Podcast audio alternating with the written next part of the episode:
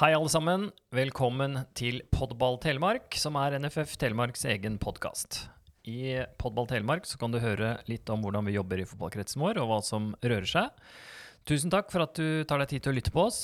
Mitt navn er Gaute Brovold. Jeg er daglig leder i NFF Telemark eh, og skal ta oss gjennom dagens episode. Den skal handle om frafall og rekruttering. Vi har kalt episoden for 'Flest mulig, lengst mulig'. Og den vi har med oss i dag, er eh, vår nye kretsansvarlig for klubbutvikling, Øyvind Gonsholt. Velkommen. Tusen hjertelig. Øyvind, du er jo øh, ganske nyansatt og fersk for øh, mange av lytterne våre. Kan du ikke fortelle litt om deg sjøl? Hvem er øh, Øyvind Gonsholt? Ja, jeg er fra Skien. Har spilt min fotball i store deler i Telemark. I Hercules, i Gvarv. Og så har jeg hatt et lite opphold i Drammen, der jeg jobba i fylkeskommunen før jeg kom tilbake til Telemark. Da spilte jeg i et par klubber der borte, Austad og Konnerud. Eh, og så har jeg kommet tilbake hit da, til idrettskretsjobb i 2015. Eh, jeg har jo idrettsutdanning fra Høgskolen i Bø. eh, idrettsadministrasjon der. Og ja, min drøm har egentlig vært å jobbe i idretten. Så hele veien fra fotballen, eh, som jeg spilte fotball sjøl, og fram til i dag, så har jeg egentlig holdt på med idrett. eh, enten det er studier eller eh, fritid eller hva som helst. Så det er det det går i for min del. Og fotballen er jo min favorittsport, og det jeg har holdt på med. Så nå har jeg på en måte landa drømmejobben. Det er bra. Vi er veldig glad for å ha fått deg med på laget, Øyvind. Vi har jo gått litt, grann, eh, litt, litt i næringa. da. Du prøvd å fange opp noen rykter. Det går rykter her om at du har livnært deg som fotomodell. At du rett og slett var lokalpressens ansikt utad da, for breddefotball i Telemark. At det var noen bilder av deg med langt hår, pannebånd, svett og fin. Eh, og så blir det også liksom da gjerne her lagt til at Øyvind ja, han har jo alltid en sånn boks med hårvoks eh, innen rekkevidde. Hva har du å si om disse ryktene her? Stemmer dette her? Nei, Fotomodell er vel nok eh, ganske overdrevet, men at jeg kan ha vært litt sånn breddeansikt uh, utad for uh, Thea, det kan stemme. For det var et, eh, et ganske kult bilde som ble tatt når jeg hadde langt hår, spilte på, på Hercules mot Storm i en duell, som uh, kanskje ble sånn, et veldig fint breddebilde som, de, som ble brukt igjen og igjen. Um, men noe fotomodell, det har jeg aldri vært. Og den hårvoksen, det er vel egentlig fordi at Uh, ja, håret mitt uh, ser jo ikke like bra ut uten voks, så jeg trenger å ha den tilgjengelig til hver tid for å se representabel ut. Så det, det føler jeg er et minimum det, jeg, uansett. det jeg hører nå, er at du bekrefter disse ryktene. Så det har vi fått det konstatert. Det, det er bra. Nei, men Øyvind, Vi skal ikke snakke om håret ditt, vi skal uh, snakke om rekruttering. Uh, og litt sånn Utgangspunktet er jo uh, pandemien, som vi er på vei ut av. Den traff oss hardt og brutalt, og den har medført en hel masse ting for samfunnet. Bl.a. annet frafall fra idrett og fra fotballen. Eh, hva vet vi egentlig om frafall fra fotball i den eh, pandemiperioden vi har vært gjennom? Det er jo et kjempestort spørsmål. Idrettsforbundet har jo diskutert det sjøl og lagt fram eh, tall allerede. Eh, men det vi kan si med sikkerhet, er jo at vi ikke er sikre. Vi har nok utslag som har gått i den ene og andre retninga, hvis du spør fra klubb til klubb. Noen eh, steder så har det nok eh, blitt jobba bra og fått en, en boost nå som det har åpna igjen, og som man da kanskje kan dra med seg videre. Andre steder så har du slitt med å få folk tilbake. Um, sånn tallmessig så, så har vi ikke 100 eh, sikre tall enda. Vi kan lese ut fra idrettsregistreringa som kommer eh, eh, hver, hver april. Det er jo tall fra 31.12. året før. Og det, det vil jo si at uh, vi har jo ikke nyere tall enn per 31.12.2020. Uh, og det er jo ikke gode nok tall til at vi kan slå uh, ja, to streker under, eh, under svaret. Eh, vi kan også se på lagspåmelding som er i NFF Telemark og på NFF totalt. Vi ser jo at eh, 8% nedgang på landsbasis fra 2019 til 2021. Og at vi har hatt en nedgang på 14% totalt i Telemark. Så det er jo nok eh, en indikasjon. Men igjen så har vi jo hatt en merkelig sesong i år med eh, ulik type kampaktivitet, halve sesonger. eh, mange som har vært usikre på om man kan gjennomføre i forhold til restriksjoner osv. Så, videre. så det kan jo hende at eh, lag har vært der, men at man da kanskje ikke har meldt på like mange lag i hver aldersklasse eh, osv. Så, videre. så det er mange sånn usikre utslag oppi det hele. Så vi må jo bare vente til eh, neste idrettsregistrering og neste fulle sesong før vi ser 100 eh, hvordan vi ligger an. da. Men alt tyder i hvert fall på altså Vi, vi er alltid opptatt av å rekruttere eh, barn og unge inn i idretten og inn i, i, i, fotballen. Og det er ingenting som tyder på at vi kan, må ha mindre vekt på det da, i tida, som, i tida som kommer. Og da blir det jo litt sånn et stort spørsmål her, da, Øyvind. Men, men, men hvordan du som klubbutvikler, hvordan kan klubber egentlig jobbe for å rekruttere flest mulig spillere til fotballen, også frivillige? Og hvordan skal vi få de til å bli i fotballen lengst mulig? Stort, mm. stort spørsmål, men hvis du kan gi oss noen refleksjoner rundt det? Ja, jeg har tenkt litt på det, eh, og, og eh, særlig inn mot den jobben som jeg skal gjøre. Og det, det som du bunner ned i som oftest, det er at eh, man må sørge for å lage skikkelig opplegg for hvert enkelt lag. Uh, og hva, da kan man tenke, hva, hva, innebærer det? Jo, det innebærer at uh, laget blir tatt godt imot i klubben, at trenerne blir fulgt opp, uh, at man har et fellesskap der man kan ha andre man kan prate sammen med og ta opp ting med, og at man når gjennom med ønsker om forbedring, treningstid, alt mulig. Sånn at ikke laget i seg sjøl bare er på en egen øy og styrer sitt eget show, men at de faktisk er en del av klubben. Det er klubbens ansvar. Det går nok mye gjennom det som jeg, eh, jeg eh, kommer til å jobbe med. Og, så, og det er jo en, eh, et litt sånn symbol på hva som er en klubb, og hva som er en tilfeldig sammensatt eh, gjeng av lag. Eh, for man er først en klubb når laget er en del av klubben. Det er det som er eh, målet til, til, oss som jobber med klubbutvikling. at de foreldre og eh, apparat, støtteapparat rundt laga, som, som oftest blir eh, til ganske tilfeldig, på eget initiativ fra en forelder eller, eller eh, noe sånt noe, at de blir faktisk tatt inn i klubben. Og ikke bare møter opp og kjører sitt løp på sine treninger og kamper, men at de er en del av klubben. Mm. Da har vi trua på at det bidrar til bedre opplegg, og derfor eh, eh, har folk lyst til å være med på det gode opplegget. Mm. Nå sa du litt at uh, kanskje at man, et oppstart av et lag da, starter litt sånn tilfeldig, at man rekrutterer noen inn. Men, men, men det finnes også ganske mange gode eksempler på hvor det er satt litt mer i system også. Ja, det er det. Uh, og det er veldig mange, som, uh, mange klubber som jobber veldig godt med det. og jobber med egne tiltak for rekruttering, sånn at mm. det tar vekk disse tilfeldighetene. Um, og det er jo eh, noe som ligger i kvalitetsklubbkonseptet i seg sjøl. Men det er jo ikke fordi at uh, man skal gjøre altså, det er ikke fordi at det er kvalitetsklubb at man skal gjøre det. Det er fordi at det er gode tiltak. Eh, og det som en klubb kan gjøre for å rekruttere barn og unge, spesielt da, de nye kulla som kommer inn, det er å lage en plan for rekruttering som kan kopieres igjen hvert år. Et, mm. en sesong ligner jo veldig på det neste og det neste igjen. Så det å få opp gode rutiner på det, dedikere et styremedlem eller en komité eller gruppe som rekrutteringsansvarlige, som har dette ansvaret, og bestemme når man ønsker oppstart av lag, når eh, på året skal man starte, hvilken aldersklasse skal man starte med. Um, og ta tak i de som peker seg ut som ansvarlig for det laget. Det kan være lagledere, trenere og andre roller. Samle de, uh, møt de for å høre hva de ønsker av klubben, og hva klubben ønsker av de.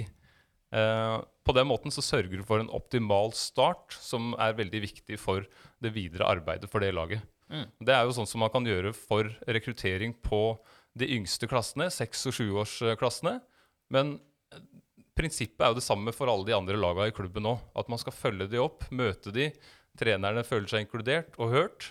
Sånn at man kan ta tak i eh, opplegget rundt det enkelte laget og løfte det.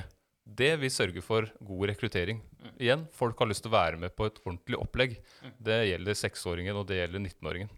Så du, du, sier her dette med å på en måte få ordentlig opplegg, altså kvalitet. altså Hvis klubbene sørger for at det er system og kvalitet på ting, så tror du at det vil få eh, barn og unge eh, tilbake på fotballbanen? Ja, jeg tror at eh, barn og unge da er eh, eh, Det blir feil å si kravstore, men de har kanskje litt mer bevissthet rundt hva de eh, ønsker å være med på. Det er flere valgmuligheter på fritidstilbud og ting som man kan drive med på, mm, som er annerledes enn fotball. Så det, det krever at klubbene og laga er, eh, eh, er flinke til å ivareta de, sånn at de føler at de eh, får den oppfølginga og den, det opplegget som de fortjener, og som, de, som motiverer de til å komme tilbake neste gang. Hvorfor er det viktig å få flest mulig inn i fotballen? Jo, det er jo flere, flere ting som er viktige med det. Um, men hovedsakelig så er det jo fotballen uh, som sosial arena det som er det viktigste for de aller fleste. Uh, fra barn til voksen. De som spiller på sjuerlaget for herrer, eller om de som spiller på, på, lag sammen med de de går på barneskolen med, så er det for de aller fleste det sosiale som er uh, det viktige. Og det er det unikt med idrettslag og fotballklubber. er det type sosiale nettverket og tilbudet som du kan gi til folk eh, for å føle tilhørighet og, og, at de er med på noe. Men det andre som er viktig med det, det er jo som vi ofte prater om, eh, det med talentutvikling. Altså det å få, få, spillere til å utvikle seg i egen klubb òg. Da trenger du lag på alle nivåer. Du trenger lag fra, fra i ungdomsfotballen der man kan hospitere opp og ned, eh, og at man får utfordringer eh, i egen klubb. Og Det gjelder kanskje ikke bare de som skal bli toppspillere heller, men man driver da også med å gi gode eh, sportslige tilbud til de som skal fortsette helt opp på A-laget f.eks. i egen klubb. Det, er, det, blir talentutvikling i egen klubb òg, å ha gode og fulle årskull eh, så langt man klarer. Så er jo noen klubber større enn andre, så det er vanskeligere jo lenger opp du kommer i aldersklassene å, å beholde. Men um, det å dra med seg så mange som mulig så lenge som mulig, det gir gode sportslige tilbud, som også uh, gir klubben uh, mye med tanke på å gi tilbud til de som har lyst til å bli enda bedre. Mm. Så her er alle avhengig av alle. Eh, vi har jo en, en, en, modell i Norge rundt idrett som, som som er ganske ulik eh, andre land, sånn internasjonalt. Kan ikke du si litt om den idrettsmodellen vi har, og kanskje litt også om fotballens eh, status, rolle, i, i, den norske idrettsmodellen? Jo. Eh, den norske idrettsmodellen er, er, jo et stort begrep. Vi er jo tufta på, på frivillighet, og, og, vi har et veldig sånn syn på at alle skal få den samme muligheten i, uansett hvilket idrettslag du er med i, eller hvilken idrett du er med i, eh, så skal du ha muligheten til å, å, være med. Inkludering er jo på en måte idrett for alle, det største begrepet i, i norsk idrett. Og så kan vi si da hva er fotballens ansvar og status uh, i den. Når man ser på sammenligninga av idretten i Norge og i hver krets, så ser du at fotballen er Alle vet jo at fotballen er størst, men tallmessig så er vi tre ganger større enn uh, den nest største idretten, som er ski. Mm. Så vi er i Telemark så er vi 10 000 fotballspillere, og det er 3000 uh, eh, skiløpere. Som, og det her er aktive medlemmer. Mm. Så her vil du si at vi har et ekstremt stort ansvar, for, uh, fordi at det er, det er, oss de fleste møter. Håndballen kommer på, og turn kommer på plassene bak der igjen med, med mellom 2000 og 3000 aktive medlemmer. Så det når vi da ser opp imot Det er et uh, tall som eh, Idrettsforbundet ofte bruker um, fra en Ungdata-undersøkelse, der de sier at 93% av de som uh, registrerte et svar da, på den undersøkelsen, de har vært innom eller er i uh, et idrettstilbud eller idrettslag. da. 93% av de, og det, er det er ganske mange. Mm. Uh, så er det klart at vi Fotballen mister mange, uh, og de andre idrettene også mister mange på veien uh, opp i når de blir litt eldre. Men de er innom, og de får et førsteinntrykk av idretten og hvordan idretten kan ta vare på de, og hva slags tilbud de kan få. både for barna og for foreldrene. Så det at vi er så store, så vil det jo da si at vi er eh, som oftest det første inntrykket som folk får av idretten i Norge.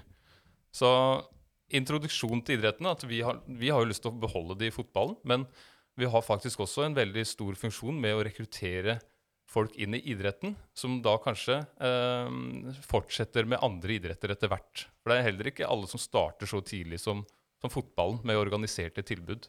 Så her, eh, i den norske idrettsmodellen så har vi et kjempestort ansvar eh, som, som, klubbene må ta gjennom de tiltakene som vi snakka om eh, tidligere. Og gi folk en, en god start mm. i, i, idretten. Mm.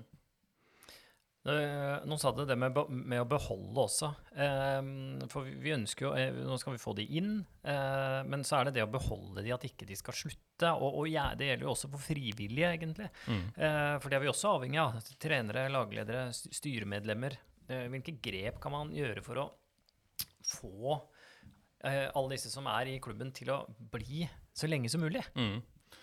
Nei, det er det samme prinsippet som som hos uh, fotballspillere. Altså, hvis du er med på et lag, så har du lyst til at det skal være et ordentlig opplegg. At du, du, ting er planlagt, og du, du blir ivaretatt, og du, får mestring, du føler utvikling og tilhørighet.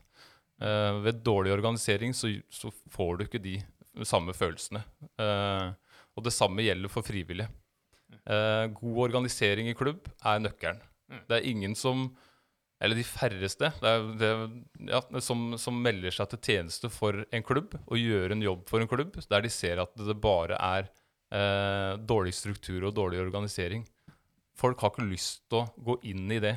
Men hvis de ser at klubben er på eh, en god flyt, at man er eh, godt organisert, og at man da blir møtt på en skikkelig måte eh, som eh, forelder eller eh, en annen måte du kan komme inn som frivillig, da er det mye enklere å, å, si ja til å bidra på et eller annet område. Og her går det jo også litt tilbake til kvalitetsklubb, der du eksempelvis blir til klubbene blir oppfordra til å lage instrukser på ulike roller i klubben. Hvis eh, du som eh, frivillig skal gå inn i et verv og ikke aner hva som kreves av deg, aner hva som, eh, hva som er målet med vervet, så vil du sannsynligvis slutte mye tidligere enn hvis det er noen som faktisk legger fram en plan for ja, dette skal du faktisk gjøre i løpet av et år. Nå har du nevnt kvalitetsklubb et par ganger. Ja. Det er bra, det er viktig for oss. Um, kan du Altså, hvis noen klubber nå, når det har vært pandemien, ting har vært litt nede, kanskje noen klubber der ute har tenkt at hm, kanskje vi skal prøve oss litt på, på dette konseptet. Hva har du mm. å si til de? Hva, hva, hvordan skal det gå fram? Nei, det det første Vi hadde en klubb som, eh, som kom uh, til oss i høst. Det er et eksempel på det som uh, samler seg litt etter, etter pandemien, og som har gjort masse bra arbeid de siste åra, og så har lyst til å bli kvalitetsklubb. Som tar kontakt. Og det første jeg utfordrer de på da, det er å se på kriteriene som ligger i kvalitetsklubb, og gjøre en, en selvevaluering. da. At det styret setter seg ned i fellesskap og ser på kriteriene som ligger der. Og de kriteriene er jo ikke laga for at NFF skal oppnå sine mål, eller at vi Det er, det ikke tatt ut fra lufta. Det er ting som, som, uh, som idrettslaget faktisk, eller fotballklubben faktisk kan uh, Som går rett inn i organiseringa. Uh, sørge for god organisering. Så hvis de gjør en selvevaluering på det, har, og tar kontakt med, med oss i fotballkretsen, eller med meg, så kan jeg bli med på neste steg i diskusjonen, der man ser enda mer på detaljene. Og eventuelt knytte på også fagpersoner som vi har her i kretsen, og sørge for utvikling på, på områder som klubben har lyst til og, og har evaluert seg sjøl til å ønske å utvikle. Da. Så da kommer de på en måte inn i loopen hos oss, og jeg har veldig lyst til å følge de opp relativt tett. da. Det Høres veldig bra ut. Så det er mm. bare å ta kontakt med, med Øyvind Gonsholt, klubbutvikler NFF eh, Telemark. Mm. Da skal de få god, god oppfølging. Mm klubber som eh, lykkes med det vi har snakka om nå, som ja. Eh, lykkes med økt rekruttering, lykkes med lite frafall. Dette skaper jo noen effekter. Eh, hva vet vi om det? Hva slags effekter får man i en klubb som får satt dette i system, og som, som lykkes med dette her i praksis? Mm. Nei, det, det, er jo det som er at det, det, er jo et langsiktig arbeid. For man må jo gjøre det her igjen år etter år. Og du må sørge for å ta tak i lag som ikke fungerer så godt. Sånn at du, får, eh, du risikerer, som du kanskje risikerer å miste. Eh, men hvis du da jobber bra med rekruttering på hvert kull, får opp gode organiserte lag fra starten av, og også sørger for å ta tak i laga som kanskje du ser kan falle ut, eller eh, falle fra på, på en annen, av en eller annen grunn, så, jo, så blir klubben Eh, da ser jo klubben ut som at man har fulle kull fra barn, eh, ungdom, eh, gjennom ungdomsnivå og opp på seniornivå. Det er jo det som er eh, I hvert fall for de fleste klubbene av en viss størrelse, så er jo det målet. At du har fulle lag, også på jentesida, fra, eh, fra seks år og opp til senior. Og det skaper jo en enorm eh, stolthet og tilknytning til klubben. Følelse av tilhørighet. At du ser at det er godt organiserte lag andre steder i klubben. Eh, du sørger for at, eh, at eh, folk føler at de er med på noe. At de er en del av noe. Og det er en sånn verdi og en sånn kulturgreie som, som gjør at klubben får et helt annet løft enn det man har uten dette her, når det er eksempelvis hull i aldersklasser oppover. Det er jo de fleste er jo opptatt av dette her når man er med i en fotballklubb, at man skal føle den tilhørigheten og den stoltheten av å ta på seg drakta.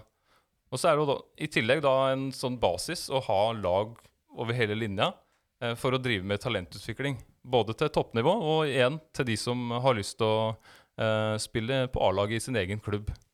Og alle drømmer Jeg tror egentlig alle klubber drømmer om at du skal ha et A-lag bestående av spillere fra egen klubb. Altså hovedsakelig fra egen klubb. Eh, og det får du jo bare til hvis du jobber bra med hvert enkelt lag og hvert enkelt årskull eh, over en lengre periode. Eh, som blir da et resultat av, eh, av god organisering på alle lag. Og da vil det- du også til, ja. tiltrekke deg at det blir en sånn god synergi også, ikke sant? Altså når du får rekruttert inn mange, så får du, genererer du mer aktivitet, større inntekter, flere potensielle foreldre, og så, Mm. og så kan man liksom få til, få til mye mer. Så det, det ligger egentlig Det er ganske, ganske viktig, en, en viktig nøkkelfaktor, det å lykkes med det vi snakker om da. Ja, det er det, og, det, det er derfor også A-laget er jo kjempeviktig. For de er flaggskipa i klubbene, og, og det er de som er liksom resultatet. Uh, som, eller i hvert fall det laget som du har høyest oppe. da. Det er jo ikke alle som har grunnlaget for å skape et A-lag heller, av ulike grunner. Men, men det, det skal liksom være en stolthet av at du har dratt med deg nok spillere eh, og klart å, å jobbe imot frafall, og, og at folk drar til andre klubber det, den stoltheten der, den eh, gjenspeiler seg da i eh, klubbens lokalmiljø. Og da, da blir du den derre eh, stolt, stolte klubben i lokalmiljøet som folk er opptatt av. Fordi at det er folk fra, fra miljøet som, er, eh, som representerer og tar på seg drakta. Mm. Så det, det, er, eh, det er på en måte det overordna målet, eh, eller resultatet av den gode jobbinga. Vi ser vel også litt, selv om det er tidlig med disse tallene, at større klubber som har litt omfang, de eh, har kommet bedre ut også i forhold til frafallet, så har mista færre, ser, mm. ser det ut til. Men det er ting som vi må dykke litt dypere inn i når vi får tallene som du, som du innleda med i stad. Ja. Det, det handler om uh, sårbarhet. Uh, hvis man er uh, eh, dårlig organisert, eh, så kan ting falle mye lettere fra hverandre. Og det er enklere å organisere en, eller å skape i hvert fall en, en kontinuitet i en stor klubb. Eh, og det du, du tar vekk igjen du tar vekk litt tilfeldigheten oppi det. Klubben eh, blir eh, litt mer sjef og sørger for at ting ikke faller fra hverandre hvis det kommer noe motgang. Da. Så, så det, er det, det er jo det det handler om, Uh, og da må alle laga i klubben være med. Bra, Øyvind. Du har mye erfaring og mye kompetanse som du ønsker også å dele med klubbene, så vi får bare oppfordre klubbene til å ta, til, til å ta kontakt eh, rundt dette her superviktige arbeidet som vi, som vi står i nå, etter vi har vært eh, gjennom denne pandemien og opplevd eh, frafall, så må vi få de tilbake ut på fotballen og på med på fotballskoa igjen. Ja, og så tror jeg at det er utrolig viktig, eh, selv om man da har blitt eh, sittet mye på hvert, hvert sitt sted og på, på digitale møteplasser, eh, så er den, den kulturbygginga i klubben Det handler om hvilke møteplasser du legger til rette for. Klubbene kan ha masse forskjellige ulike eh, utfordringer, men det handler om å, som leder og, og, og styre i en klubb, så, så skaper du en utvikling med å samle folk igjen. Så Det er liksom min oppfordring. Uansett hva, hva slags utfordring dere skal uh, uh, ta tak i, så må du samle kreftene, samle trenerne, samle kapteiner på lag, samle, samle folk som har lyst til å bidra i klubben, uh, fysisk sammen. Sånn at de sammen skaper det eierskapet og retninga som, som, klubben skal gå. da. Mm. Mm. Tror du mange har savna det der? Den fysiske samlinga? Jeg tror det, og det mm. kan være veldig lavterskel. Eh, kulturbygging kan være trenerforum, men det kan også være at uh, man samles til sosiale ting på tvers som avslutning eller underveis i en sesong. Så det, det, å skape de møteplassene der folk møtes på tvers av laga, det er jo det som, som gjør at du får en, en drahjelp da, til å skape den kulturen i klubben som man ønsker. Masse gode innspill her. Øyvind, vi går inn eh, litt for landing. Vi har en fast post i uh, Podball Telemark. Vi pleier å avslutte med det vi kaller for tre kjappe. Ja. Stikkordet i dag er rett og slett å bli kjent med Øyvind Gonsolt, som er uh, ny og fersk for oss. Uh, så da er det tre spørsmål til Øyvind. Favorittfotballspiller? Ja, jeg måtte tenke litt på den, for der er det mange forskjellige. Jeg har jo ingen jeg er jo ingen sånn eh, superfan av noen klubb. Jeg har ikke sånn eh, det fan-genet. Ja, det har jeg fått spørsmål mange ganger. Om, hvordan er det mulig å være så opptatt av fotball og ikke ha noe favorittklubb? Men jeg har ofte unnskyldt meg med at jeg heier veldig, på, eller veldig opptatt av enkeltspillere. Se de spille fotball. Og selv om jeg da ikke er Liverpool-fan, så er min, min optimale fotballspiller også basert på Premier League-interessen og hva han har betydd på for klubben. Uh, at han har vært i klubben hele tida.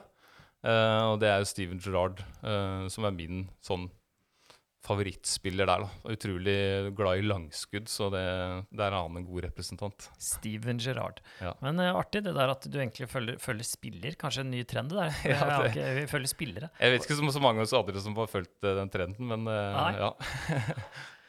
den er grei, Steven Gerrard. største fotballøyeblikk som aktiv? Ja. Nei, Der har jeg en som peker seg ut. Eh, vi hadde jo en, eh, et flott opprykk med Hercules eh, for noen år siden når jeg kom tilbake. Det var stort. Men, men det største øyeblikket som spiller var jo at vi hadde Odd på besøk på Gvarv stadion i 2012. I første runde i cupen.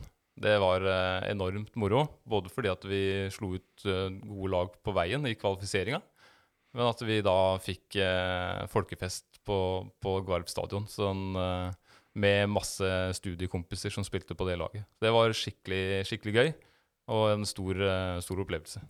Så moro. Mm.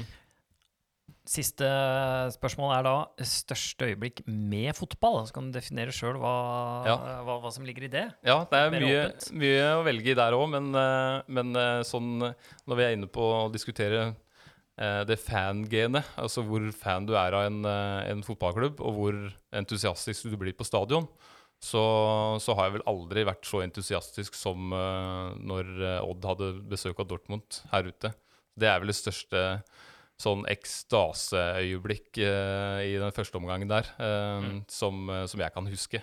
så jeg, jeg, kunne gjerne ønske at jeg hadde den følelsen på hver match jeg så med mitt favorittlag eller Uh, så jeg er veldig misunnelig på de rundt i fotball-Europa som har de, fan, uh, altså de opplevelsene hver helg. Mm. Uh, og det er jo noe som vi må jobbe med å få mer av i Norge òg. Mm. men akkurat der og da så var vi, da var vi liksom senter av, av fotballuniverset her sånn. Og helt enorm opplevelse. Veldig bra, Eivind. Mm. Da takker vi for uh, innspillene du har kommet med i denne episoden av Podball Telemark, Øyvind. Tusen takk. Og vi takker også dere som har lytta på episoden her. Hvis du har ris eller ros til oss, eller om du har spørsmål til oss eller innspill, så må du gjerne kontakte oss. Du finner oss på fotball.no telemark, og du finner oss på Facebook, og du finner oss på Instagram. Takk for denne gang. Lytt gjerne også på andre episoder av Podball Telemark.